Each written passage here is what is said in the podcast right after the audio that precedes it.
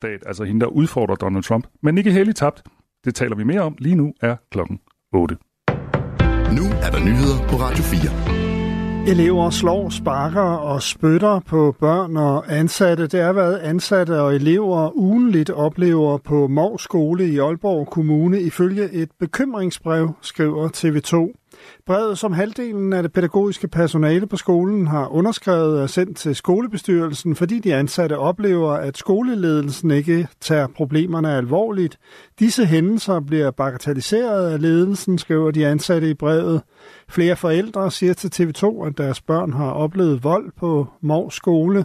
Det er for eksempel Line Skov Jensen, hvis barn i 0. klasse er blevet slået og sparket. Som forælder så bliver jeg jo enormt ked af det på mit barns vegne, og jeg bliver også meget frustreret, for jeg føler jo, at jeg bliver mødt af en ledelse, som ikke øh, lytter til de problematikker, vi oplever i forhold til vores barn. Når at, øh, jeg har henvendt mig også i forhold til at få en trivselssamtale eksempelvis, så bliver jeg egentlig bare faret af vejen. At det er ikke nødvendigt, fordi de oplever, at hun er i fin trivsel. Skolelederen på Mors Skole henviser til skolechef i Aalborg Kommune, Mads Rune Jørgensen. Han bekræfter bekymringsbrevet over for tv-stationen. Det er på skolen allerede i gang sat nogle initiativer for at fremme arbejdsmiljøet, som forvaltningen på baggrund af henvendelsen vil understøtte, skriver skolechefen. Meta, der står bag Facebook, nedsætter en enhed til at håndtere misinformation og misbrug af indholdsskabende kunstig intelligens. Det sker forud for det kommende valg til Europaparlamentet på baggrund af bekymringer om, at misvisende AI-genereret indhold kan påvirke valget. Indholdsskabende kunstig intelligens har været et område for stor vækst, og teknologien er både i stand til at skabe tekst, billeder og videoer. Det har skubbet til frygten for, at den vil blive brugt til at påvirke valg rundt omkring i verden.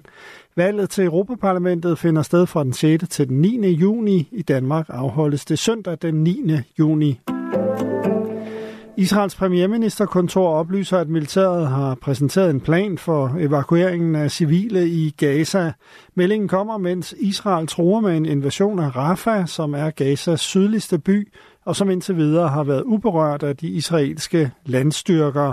Der er gang i forhandlinger om en våbenhvile i krigen mellem Israel og Hamas. I går sagde Israels premierminister Netanyahu dog, at en mulig våbenhvile kun vil forsinke en landoffensiv i Rafah. Det var ikke noget avanceret angreb, som lagde flere hjemmesider ned i går, det siger Jens Myhr Pedersen, professor i cybersikkerhed ved Aalborg Universitet. Jeg kan forstå mig ved, at det er et overbelastningsangreb, som vi har set.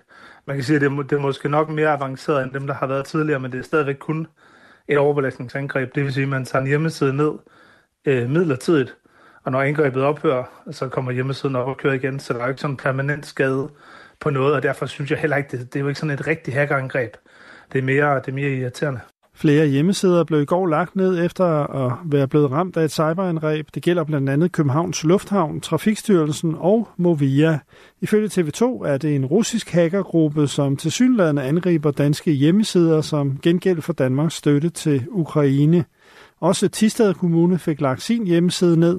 Angrebet var ifølge kommunen rettet mod Tisted Lufthavn. Men det er ikke så meget den her type angreb, jeg er bange for. Jeg er mere angreb, er bange for angreb, hvor man sådan lægger ting ned øh, permanent eller får adgang til systemer og data, som man ikke burde have adgang til at bruge de adgange, enten til at få adgang til personoplysninger eller lægge systemer ned i længere tid. En række regeringsledere mødes i dag i Frankrigs hovedstad, hvor de skal diskutere krigen i Ukraine. Det oplyser det franske præsidentkontor. Asbjørn Møller fortæller. Vært for konferencen, der finder sted i Élysée-palæet i Paris, er Frankrigs præsident Emmanuel Macron. Ifølge præsidentkontoret deltager mindst 20 stats- og regeringschefer. Blandt deltagerne er Tysklands forbundskansler Olaf Scholz og Polens præsident Andrzej Duda, og også den danske statsminister Mette Frederiksen. På mødet får deltagerne mulighed for at genbekræfte deres sammenhold, oplyser præsidentkontoret.